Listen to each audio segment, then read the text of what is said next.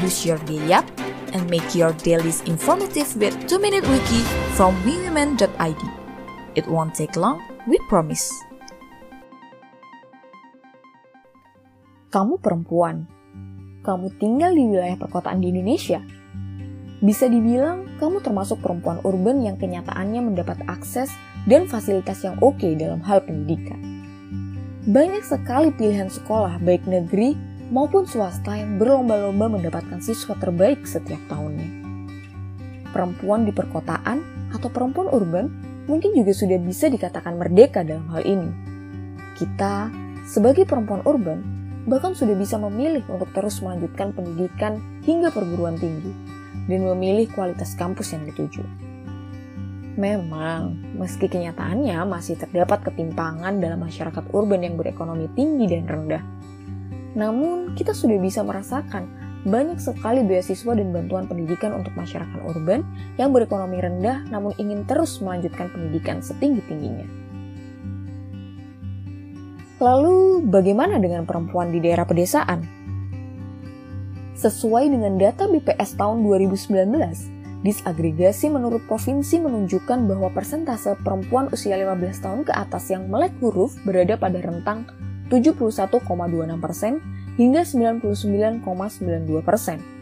Hal ini berarti ada beberapa provinsi yang hampir seluruh penduduk perempuan usia 15 tahun ke atas telah memiliki kemampuan membaca dan menulis. Provinsi-provinsi tersebut adalah Sulawesi Utara dengan persentase 99,92 persen, DKI Jakarta 99,55 persen, dan Maluku dengan persentase 99,3 persen. Namun bagaimana dengan rural area? Seperti Provinsi Papua, yang menjadi provinsi dengan angka melek huruf perempuan 15 tahun ke atas yang terendah, yaitu hanya 71,26 persen. Hmm, relatif jauh ya. Pemerintah Indonesia secara bersamaan meningkatkan akses dan kualitas pendidikan untuk semua warga.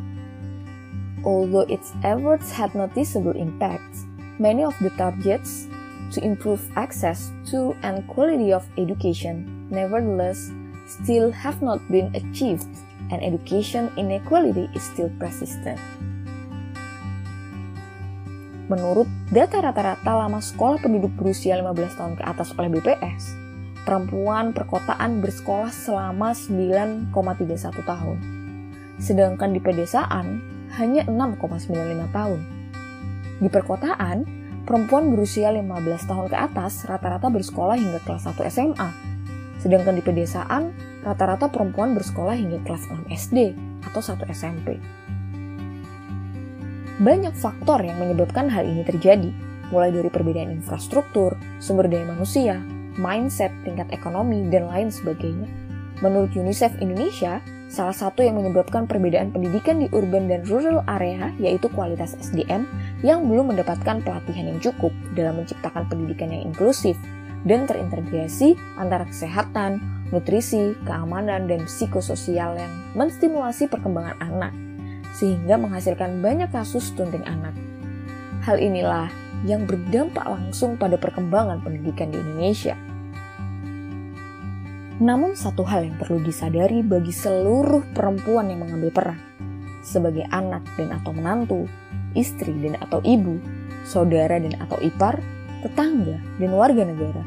Seharusnya kita saling bergandengan tangan karena perempuan memiliki tantangan dan keterbatasan ruang yang didominasi laki-laki. Seek first to understand, then to be understood. Dan mendahulukan bekerja sama adalah kunci yang membuat perempuan merasa tidak sendirian. Bahwa perempuan yang satu merasa akan ditemani dan disupport oleh perempuan yang lain. Bagaimana kita yang ada di perkotaan dan mendapat akses yang baik terhadap pendidikan lebih berempati untuk saling berbagi kepada perempuan yang lain. Kita bisa lebih peka bahwa masih banyak perempuan di luar sana yang membutuhkan support kita. Mari membangun lingkaran kekuatan untuk perempuan lainnya.